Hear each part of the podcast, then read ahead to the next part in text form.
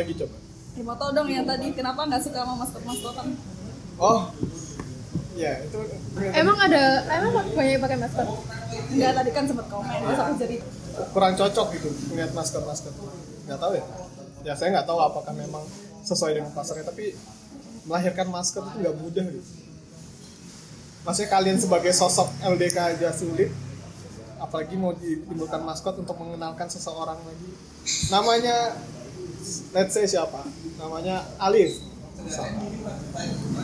ngenalin satu orang Alif ini bukan perkara mudah loh maksudnya kreatif itu kalau bikin maskot belum tentu sukses gak mudah gitu karena maskot itu kayak ibarat apa dia punya cerita sendiri. iya dan orang-orang yang Kenalin cerita orang lain. Iya, nah sedangkan kalian tuh udah di gini. Anggaplah saya ini orang luar eksternal. Terus lihat kalian LDK tuh udah punya resepsi A.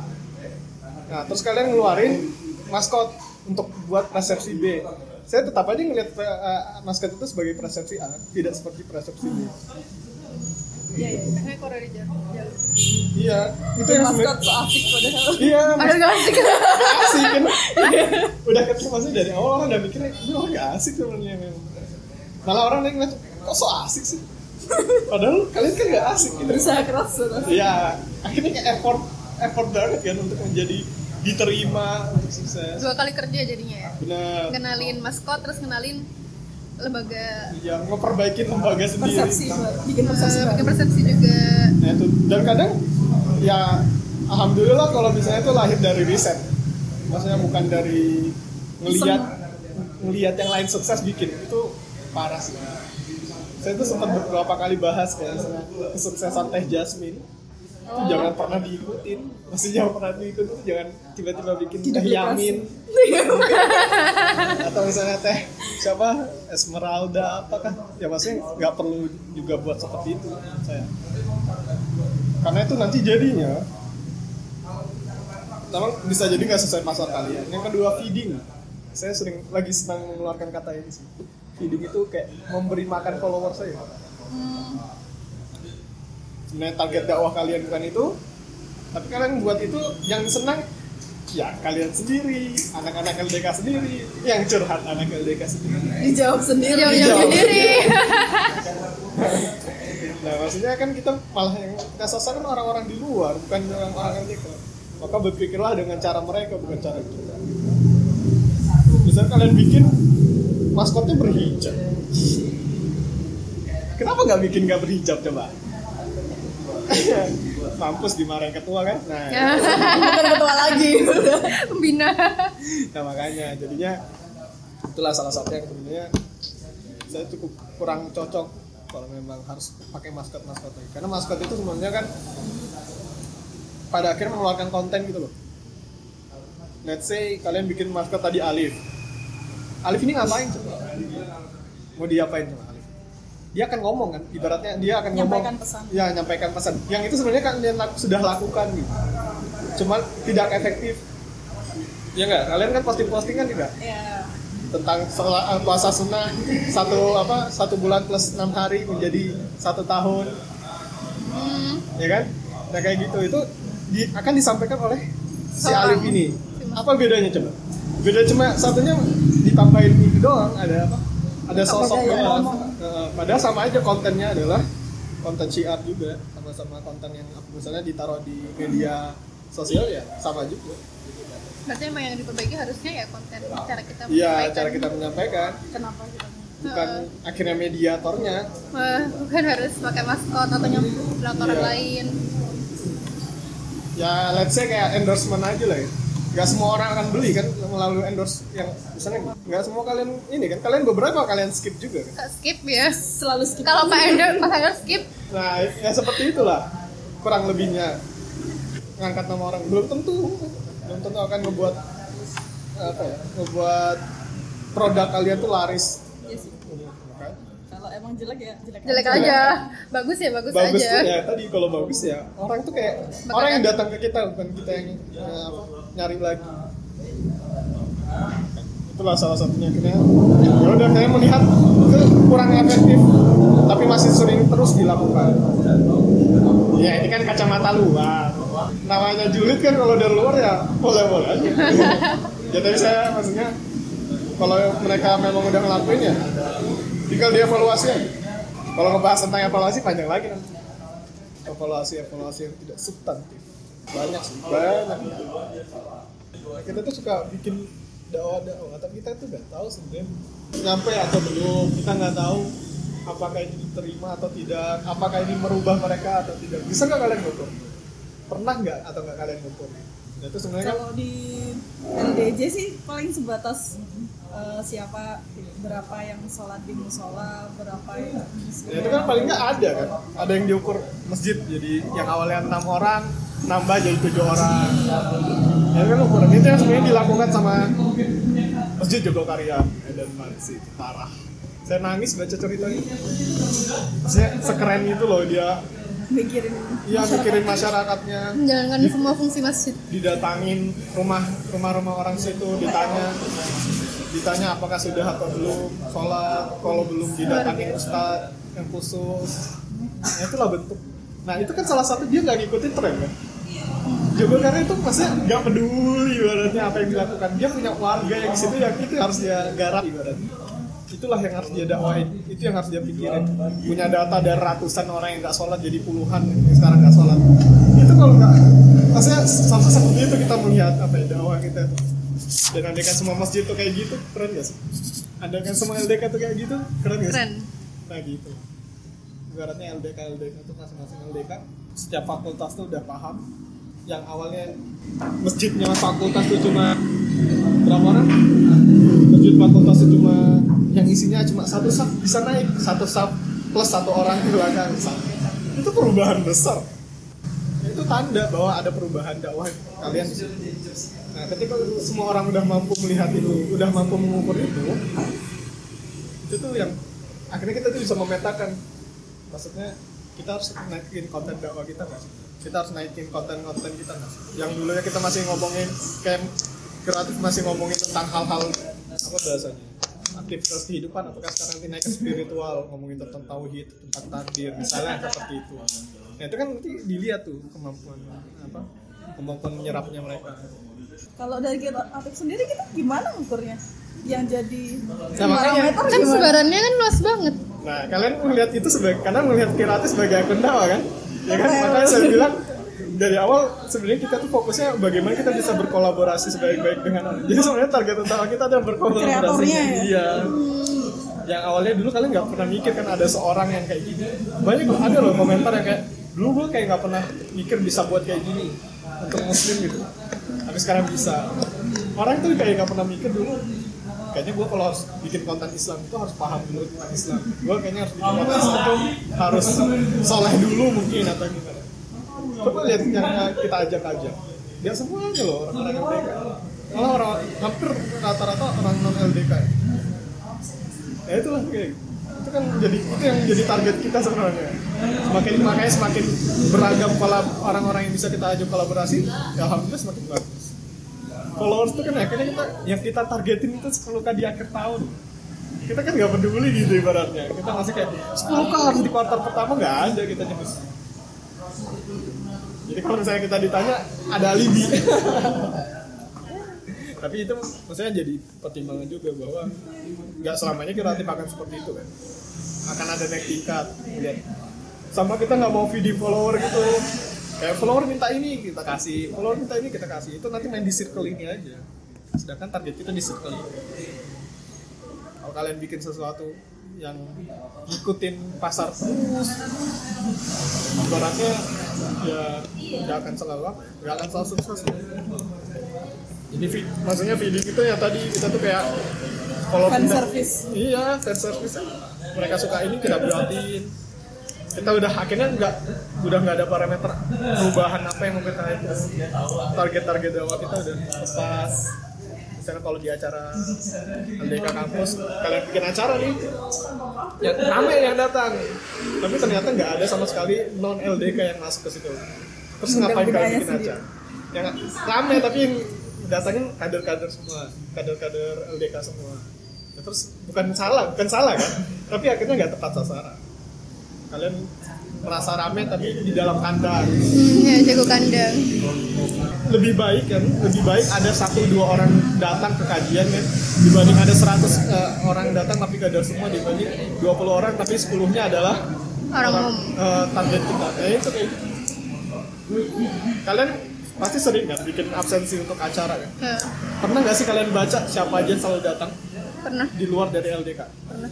terus kalian lihat eh, siapa yang pernah apa eh, kapan dia nggak nggak datangnya misalnya. Oh pas acara. Ini kok nama ini kok hilang ya? Itu kan sebenarnya secara tidak langsung ada di adab rasul pas kalau dia habis selesai sholat dia hadap ke belakang dia liatin sahabatnya siapa yang nggak bisa nggak sholat hari ini ditanya siapa ke mana nih sahabat yang ini? Nah, itu kurang lebih itu seperti itu seharusnya. Kita punya acara kajian misal terus kemudian kita apa namanya kita absensi kajian rutin. Kenapa? Kajian ini nggak ada nama ini. Padahal dia selalu rutin datang. Sudah ditangin. nah itu kan se- ya kan? Eh, sebut merek. ya seharusnya evaluasinya kan juga kayak gitu kan. Itu kan seharusnya dievaluasi tapi kan eh kemarin gimana gimana absensinya cuma kayak gitu. Buat bungkus kacang. Bungkus. Kacang. ditumpuk ditaruh di sekre kan jadi jadi bantal tidur.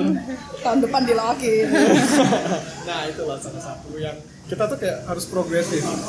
Kalau saya bilangnya ya lebih ef- efektif lagi untuk ngebuat sesuatu konten karena waktu kita berdakwah itu sebentar gitu. Kalau orang bilang lama saya mengambil mengambil antitesisnya bahwa waktu kita itu sebentar. Saya kita pulang dari sini siapa yang tahu nyawa kita masih ada kan?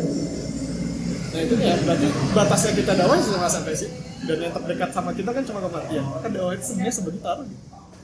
Itu yang konsep yang ada di kepala saya jadi kalau orang bilang dakwah ini panjang. Orangnya sedikit jalannya jauh terjal berliku. Gitu kan? Jarak aman di Nah, mana-mana. saya balikin. Bahwa sebenarnya dakwah itu sebentar. Kemudian ya kita nggak tahu. Sebentar banget. Gitu. sampai selesai tugas kita. Wah, tugas kita adalah berjuang. Jadi kita tugasnya cuma berjuang doang. Nah makanya saya ada di titik mulai fokus kalau misalnya bikin sesuatu tuh punya bobot. Ada nggak sih bobotnya? Biasanya kalau nggak ada bobotnya useless akhirnya. Kayak ibarat satu konten saya yang saya habisin untuk ngerjain seminggu tapi nggak ada bobotnya sama sekali berarti seminggu itu tidak memberikan manfaat yang banyak untuk saya sendiri pun untuk orang lain. Maksudnya nambah pahala pun enggak gitu ya. Ngabisin waktu lupa sholat iya gitu. Misalnya kayak gitu. Jadi makanya kenapa kreatif dibuat juga lebih profesional? Biar langkah-langkah kita itu terukur. Udah buat ini alhamdulillah terkumpul segini. Buat ini alhamdulillah terkumpul segini. Semoga Allah terima. Ya kayak 7 juta tahun 2018 sekarang 15 juta. Kan ada progres kan? Ada ada perubahan yang cukup besar. Kemudian followers yang nambah. Ya walaupun hitungannya materi tapi followers yang nambah maksudnya dakwah kita kayaknya keterima lebih banyak. Terus apa lagi ya? Ya contoh-contohnya seperti itu lah. Tapi lebih ke langkah kita tuh kayak bobotnya tuh jelas. Tujuannya di sini kitanya di sini tuh benar-benar ke sana gitu. Nggak sini dulu capek udah muter ke sana. Sini nggak nyampe tujuan. Jadi kalau maksudnya Allah panggil tuh aduh bahasanya ada hashtag ngasal bahasanya tuh kalau Allah panggil itu kita itu ada di jalan yang menuju kebaikan itu. Saya tuh ada sebuah konsep kehidupan saya. Ketika saya mau achieve sesuatu itu, saya lakukan yang yang terbaik yang bisa saya lakuin gitu. Kalau nanti Allah bilang cukup, let's say ini kayak contoh pernikahan aja. Ini paling kocak. Kalau saya ditanya kapan nikah tuh saya kayak paling santai banget. ya. Maksudnya kalau ditanya saya sedang mempersiapkan. Cuma yang tahu kata siapkan tuh cuma Allah ya. Kalau saya dibilang besok, besok saya seberundangan. Persiapannya orang beda-beda. Nah iya. Nah, yang penting itu kan eh, persiapan menuju yang baik kan. Nanti maksudnya kalau misalnya Allah ngelihat eh, kita mikirnya kalau misalnya nikah harus ada di angka 10. Ternyata di angka 7 kalian sudah dibuat nikah sama Allah. Berarti cukupnya menurut Allah tuh ya udah 7 aja. Nah, tapi kan kita harus di langkah yang tepat kan. Nah, seperti itulah. Jadi kalau misalnya kita dakwah juga, paling enggak kita udah membawa masyarakat itu ke titik yang? Ke titik yang udah jelas ujungnya di mana. Jadinya kita tuh benar-benar kayak bareng-bareng sudah udah di jalan yang bisa dibilang benar ya aduh kok benar nggak bisa sih kita ngeklaim benar tapi maksudnya jalan yang terbaik yang bisa kita usahakan nah. jadi kalau memang akhirnya kita disuruh selesai untuk berdakwah ya paling nggak kita udah berusaha yang terbaik. Karena saya juga sadar bahwa ya selamanya saya bisa berdakwah ya. Masih berdakwah itu kayak pro- produktif ini gitu. nanti ada saatnya kreatif diganti sama orang orang yang lebih baik. Ya, alhamdulillah aja sekarang masih bisa. Itu itu salah satu yang maksudnya udah jadi pikiran kita. Nggak bisa kita selamanya cuma ada isu bendera tauhid kita lep- apa, Sikapi. sikapi juga di tauhid nanti ada rame ini kita apa ya, Minta counter. anjing-anjing. bukan nggak boleh ya? Kalau menurut saya itu bukan nggak boleh tapi kayak fardu kifayah Iya benar. maksudnya udah ada orang-orang hampir banyak melakukan. Kalau menurut saya dan dan mereka sebenarnya cukup lebih pengaruhnya lebih besar influence-nya. Dan ya udah cukup lah. Ambil peran kita gitu. Kadang kita juga nggak tahu peran kita di mana Nah itu. kalau katanya Gilang jadi alpha. Jadi orang yang punya ini. Apa pusat tingkat per- pertama dari amal jariah? Jadi orang yang ngebuat terus amal jariahnya tuh urunnya tuh MLM gitu. Jadi kita paling kepalanya. Itu tuh salah satu. Dari banyak hal. Tapi ya asal sebenarnya itu sih paling penting kalau menurut saya saat ini kita tuh kurang terstruktur aja sih. Ibaratnya kalau ditanya nih ya kalau ditanya nih berapa banyak sih akun dakwah di Instagram? Banyak kan? Banyak. Ya nggak sih? Kalau misalnya ada satu konten rame rame sempat semua Sampai satu semua. jadi sebenarnya kita bukan kekurangan orang gitu loh yang katanya dakwah itu sedikit orangnya Lah, ini banyak lah ini banyak gitu Lah ini apa kalau bukan orang? Nah, makanya. Cuma kita nggak bisa mengkoordinasinya dengan baik, memanagenya, meluruskan semuanya menjadi tepat gitu. Kadang juga ada yang nge-share nge tapi ya kontennya kurang apa ya. Isu yang sebenarnya bisa dikerjain semua tuh akhirnya banyak yang garap gara-gara Iya. orang fokus satu. Salah satu yang paling seru itu inilah. Contoh yang paling sekarang rame kan tiba-tiba hadir Ustadz Zaidul Akbar. Kalau menurut saya bentuknya itu seharusnya seperti itu. Terserah lah, maksudnya akhirnya orang rame jadi biasa itu itu urusan lain. Tapi maksudnya peran-peran Ustadz tuh akhirnya terbagi gitu. Ada yang fokus eh, tentang Kesehatan. ekonomi Ustadz siapa Erwanji kemudian ada yang fokus sekarang tentang makanan sehat hidup sehat ada Ustadz Zaidul Akbar nah kita hadirkan lagi nanti misalnya Ustadz dipakar misalnya akademisi research research gitu. Atau misalnya Ustadz lagi di olahraga yang jago olahraga. Siapa misalnya atlet Ustadz yang ternyata. Nah itu kan jadi apa ya progresif gitu kalau menurut saya. Tuh Bagi tugas. ya, perannya tuh jadi nggak semua orang harus di nggak salah gini. Karena ada ada ustadz yang "Uh, bagus ustadznya kan gitu enak ya? Maksudnya enak banget salah satu Seksinya juga jelas Nah, sebenarnya benar. ada yang suka ini ya udah ikut yang sini Kalau butuh isu apa tinggal panggil saat ini. nah terus ini nggak terasa nggak sih kita tuh kadang juga di LDK suka ini overlapping gitu Fakultas Ilmu Budaya ngomongin tentang khilafah misalnya. Fakultas Kedokteran ngomongin tentang misalnya eh, parenting. Bukan salah, tapi kan maksudnya lebih cocok di psikologi psikologi kan. Iya psikologi. Maksudnya itu pasarnya psikologi Pasarnya gitu. psikologi. Kasih tahu nih ke orang-orang yang calon psikologi orang apa sih sebetulnya? Psikolog. psikolog ini eh, apa tanamkan Islam di dalam eh, psikologi tentang parenting tentang itu Ya, itu kan enak ya nggak perlu ya maksudnya akhirnya kita yang ibaratnya fokusnya ke dalam misalnya let's say saya dari di cafe masalah syiar di apa media gitu. Walaupun media itu adalah wasilah dari apa jadi kurir dari semua konten ini. Tapi maksudnya nggak perlu ngomongin tentang yang apa yang tidak saya sanggup untuk ngomongin. Saya nggak perlu ngomongin tentang kedokteran dalam Islam dong. Cukup FK aja yang bikin acaranya. Nggak perlu misalnya yang lain bikin. Tapi emang masalah keprofesian itu jadi masalah yang krusial juga sih di akti-ukti zaman sekarang. Kebanyakan karena fokus di agenda dakwah, akhirnya lupa keprofesian. maksudnya gini loh kalau misalnya ditanya agenda dakwah agenda dakwahnya apa oke kita lihat Event organizer. ke ini ya.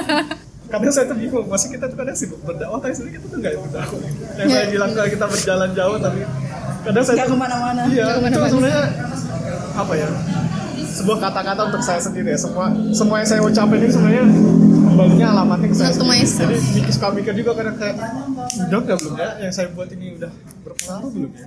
Maksudnya udah memberikan manfaat belum? Kita ngomongin kita ini sedang berdakwah kita sibuk dakwah sibuk. Nggak sibuk Tapi sebenarnya ngapain? ini ada satu nanti yang saya mau bahas eh, di Instagram pribadi sih tentang katanya kita berdakwah. Tapi sebenarnya banyak hal yang akhirnya kita lupa kadang saya ngelihat kenapa eh, kuliah-kuliah para aktivis dakwah seringnya agak Molor. Iya. Oke. apa alasan kalian maksudnya pun misalnya kalau kalian bilang kami sedang berdakwah mana bukti dakwah kalian? Nggak ada. Apa yang sedang kalian?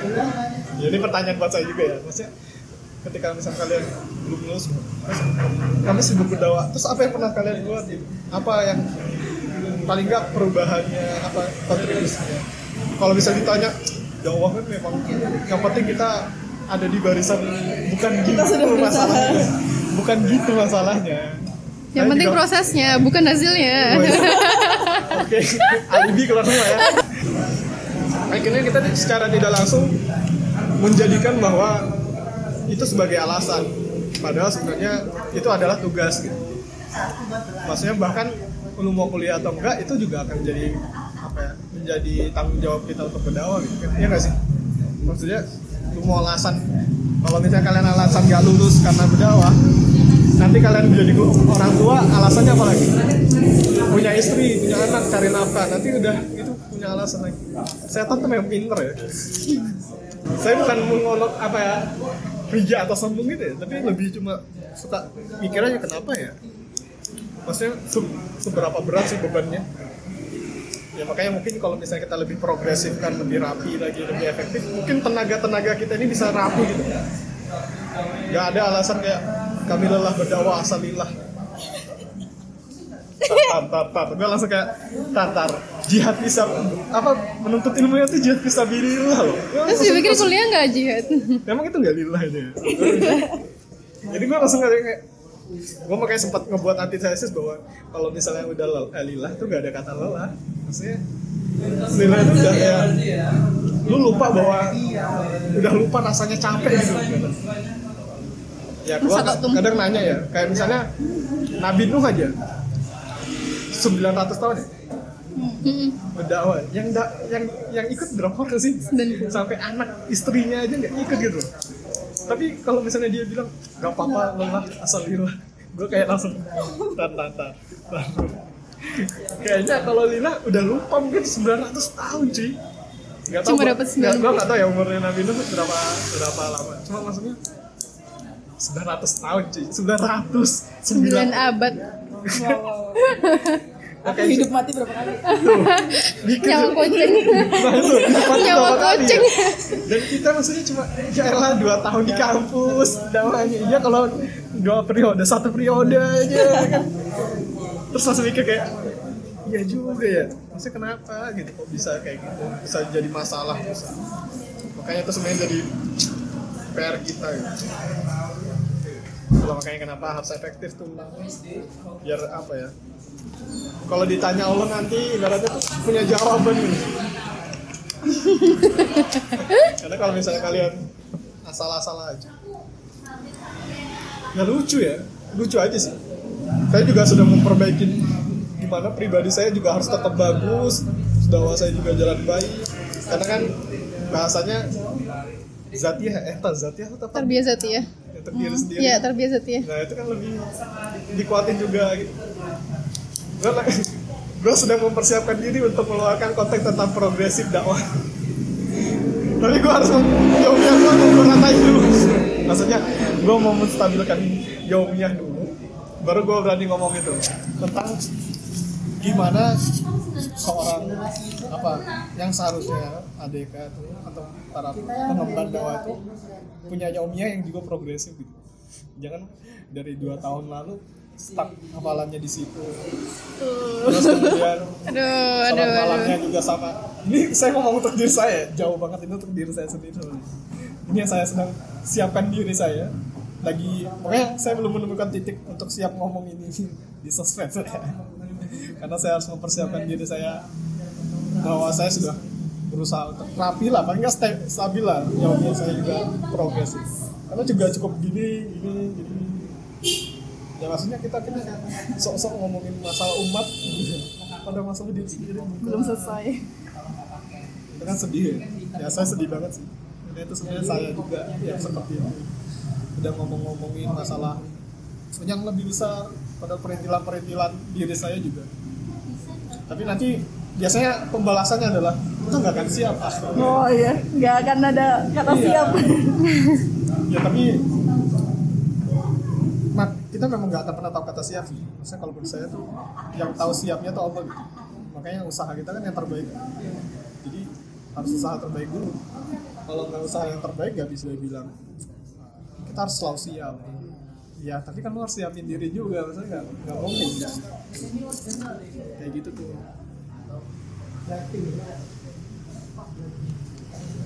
Saya juga agak sedih sih di kampus nggak bisa memberikan nilainya dan kalau ini ditanam ke kampus juga ya saya juga bingung caranya. Karena nggak semua orang bisa langsung tiba-tiba diajakin ngomong gini kan?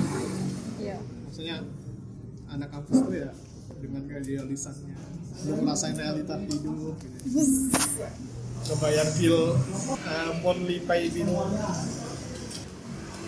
banyak bayar kita nih masih banyak makanya bagi-bagi lah biar nggak diemban semua. Tapi yang jelas ya kalau kalian di Jatim ya udah di Jatim aja. Jatim aja, Surabaya. jadikan markas kalian. Ya kalau nggak mau di Surabaya di mana? Di mana aja terserah. Mars, itu. maksudnya jadikan pasar yang kalian bisa garap gitu. Nggak usah nggak usah apa ya, nggak perlu terlalu di apa ya? Saya merasa nggak ada temen nih di sini kalau pikirin. Malah menurut saya itu salah satu kesempatan maksudnya dulu Kiratu juga bangun nggak nggak kenal siapa. Siapa? Ya memang struggling banget. Ya tapi alhamdulillah kan kita punya pet sendiri. Orang akhirnya bisa melihat bahwa oh ini orang ini niat banget ya kalau bikin gitu. Usaha. Gitu. nggak cuma tiba-tiba ambil foto kasih quote dari Ustadz Salim Afillah posting. Baru sebutnya akun dakwah. Ya bukan salah. Tapi terlalu banyak dan kalau semua kayak gitu tuh ya udah kayak rame aja. Gitu. Tapi sebenarnya akhirnya kita nggak peduli gitu.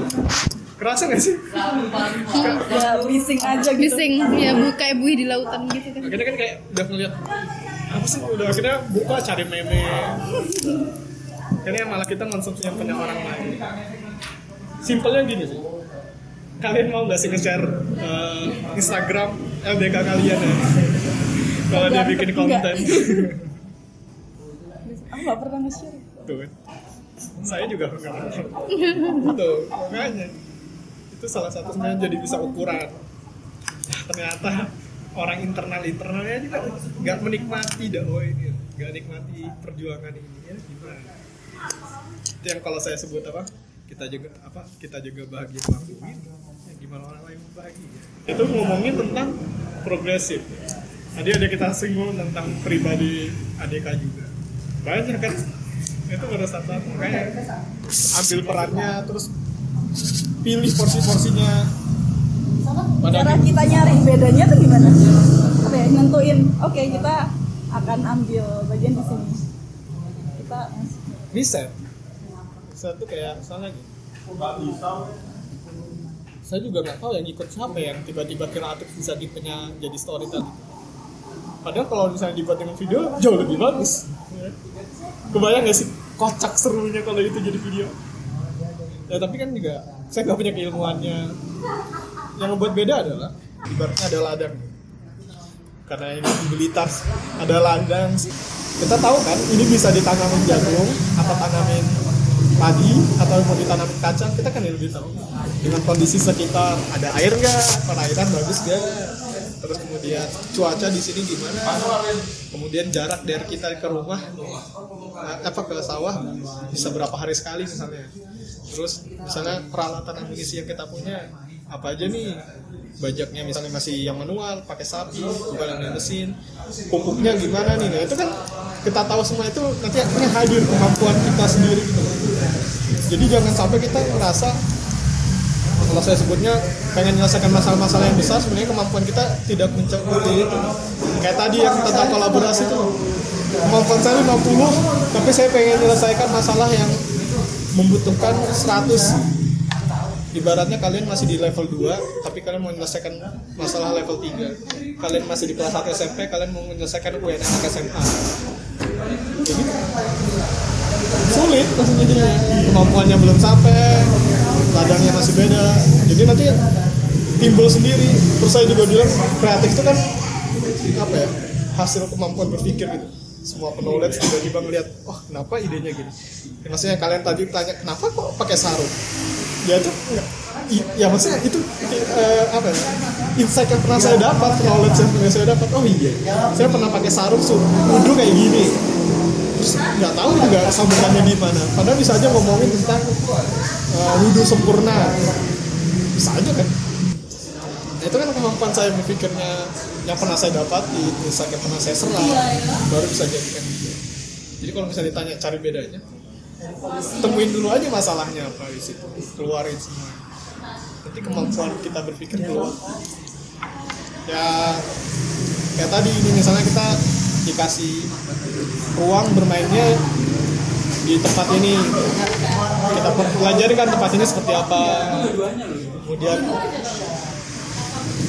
tata tempat ini misalnya adalah sebuah kandang atau tempat yang harus kita lari dari sini atau tempat yang harus kita perbaiki. Kita harus, harus tahu di mana mataharinya masuk misalnya kita ta- pikirin di mana kiblat. Apa kita punya WC nggak menghadap kiblat. Kan kayak gitu Nah itu kan nanti dari semua hasil itu akhirnya kita berpikir oh bisa nih di macam-macam kayak gini, oh bisa nih dibuat seperti ini. Nah itu kan hasil dari kita melihat-lihat kondisi kita, batasan kita. Jadi kalau kalian nanya gimana bedanya, saya nggak bisa ngasih utuh nih kayak gini cara nyari bedanya nggak bisa. Karena kalian yang mampu melihatnya gitu. Ketika saya ngerasa semuanya udah kayak gini, saya sudah hampir di titik nggak mau pakai Sunday morning lagi udah semua hampir banyak yang gunain udah banyak banget yang nanya kita akan berubah itu di, udah di titik ada kerusakan nanti semua orang eh, apa ya, bias melihat kita gitu. Eh, nanti orang lihat kreatif juga oh ini oh ini ya? Oh ini. Maksudnya udah nggak bisa mengidentifikasi dengan baik gitu sekarang juga gayanya mirip-mirip gitu. Banyak yang udah miripin. Itu kalau yang melihat yang di tag sama kreatif coba lihat. Rata-rata hampir mirip. Oh tek-tekannya kreatif tagnya kreatif tuh mirip-mirip kan banyak kan? Ini juga semuanya fontnya sama. Iya sih sama sih. Ya pokoknya intinya itu salah satu akhirnya kita ngelihat bahwa ini udah bukan terlalu mainstream juga tapi ini udah akan cukup membingungkan gitu bagi bagian orang nah jadi kalau ditanya gimana cara bedanya kalau bahasa Spiderman yang animasi nonton nggak yang itu kan yang paling baru kemarin kan Iya, yang animasi itu. Yuwon. Maksudnya Yuwon tuh dia nggak akan pernah tahu gitu. Yang dia di titik maksudnya gimana gua tahu gua siap jadi Spiderman. Si anak itu terus yang yang gede bilang kamu tidak akan pernah. Ya memang kita kan apa kita kayak ada titik di mana kita kayak sadar sendiri gitu.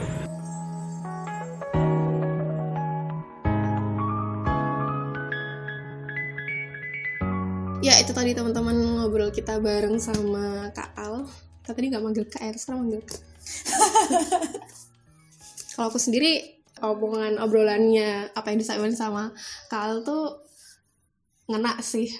Karena akhir-akhir ini juga habis dapat kabar duka teman ada yang meninggal terus kerabatnya keluarganya teman ada yang meninggal pokoknya baik banget kabar duka yang datang dari orang-orang terdekat kita buat kita makin mikir bahwa ya ya benar maksudnya kematian itu sedekat, itu Sedekat loh itu. sama kita Iya, bukan bukan jodoh, bukan apa pun yang dekat. Kematian yang dekat sama kita yang jelas-jelas pasti datang ya kematian gitu. Dan emang bener apa yang disampaikan sama Kak Al ya bahwa kerja-kerja kebaikan kita tuh kalau kata orang panjang sebenarnya nggak panjang gitu karena kita nggak tahu kapan sampai kapan umur kita. ya ya juga ya. Otakku jadi berisik banget gitu loh karena mencerna segitu banyak. Obrolan. Termasuk kenapa podcast ini baru keluar sekarang ya? Karena kita masih berusaha mencerna semua itu dan mencerna. Merenungi. Jadi kemarin baru ditelan doang karena menurut aku itu cukup over expected sih. Yang sebenarnya aku mungkin bayanginnya kita cuma buka-bukaan dapur karya orang. Ternyata enggak gitu. Banyak hal yang bisa kita ambil sih dari obrolan-obrolan itu. Dan buat aku ini jadi rada beban mental juga sih. Nggak tahu ya. Ya kita udah ketemu sama orang di balik kreatif tukang mikirnya. Terus udah sharing banyak juga sama kita. Terus setelah ini kita ngapain? I mean apakah kita cuman dengerin obrolan taruh di podcast terus udah? Udah. Itu juga jadi beban sih. Ya bener banget. Jadi punya apa ya sudut pandang baru lah ya. Bener. Jadi terima kasih sudah, mau Sudah mau mendengarkan mendengarkan. sampai akhir. Terima, Terima- dan terima kasih buat Kak Al yang udah mau jauh-jauh dari Blitar ke Malang. Terima kasih sudah bertahan dengan kebonekan kami. Tapi kami juga sudah bertahan dengan kerempongan anda kalau kalian merasa mendapatkan kebaikan dari apa yang kita sampaikan, apa yang kita obrolin sama Kak Al, jangan segan-segan buat nge-share dan mention kami di @sabrinafilahi at Izadawi atau kalian kalau mau berterima kasih sendiri kepada si atau Harobani, Yes. silakan DM dia. Al sendiri hmm, karena meskipun kita dari tadi bahasnya mungkin lebih ke dakwah L- nyinggung-nyinggung LDK maaf maaf nih ya LDK Sungkem dulu, kita saudara. tapi sebenarnya metode-metode yang tadi dibicarakan apa yang jadi masalah pakai banget kok ke movement kebaikan yang lain universal kok cuman karena yang lebih dekat sama kita itu dunia kayak begituan jadi ya itu yang kita angkat Iya gitu. Jadi sekian dulu semoga bermanfaat dan Sampai- see you next time. assalamualaikum Wassalamualaikum warahmatullahi wabarakatuh.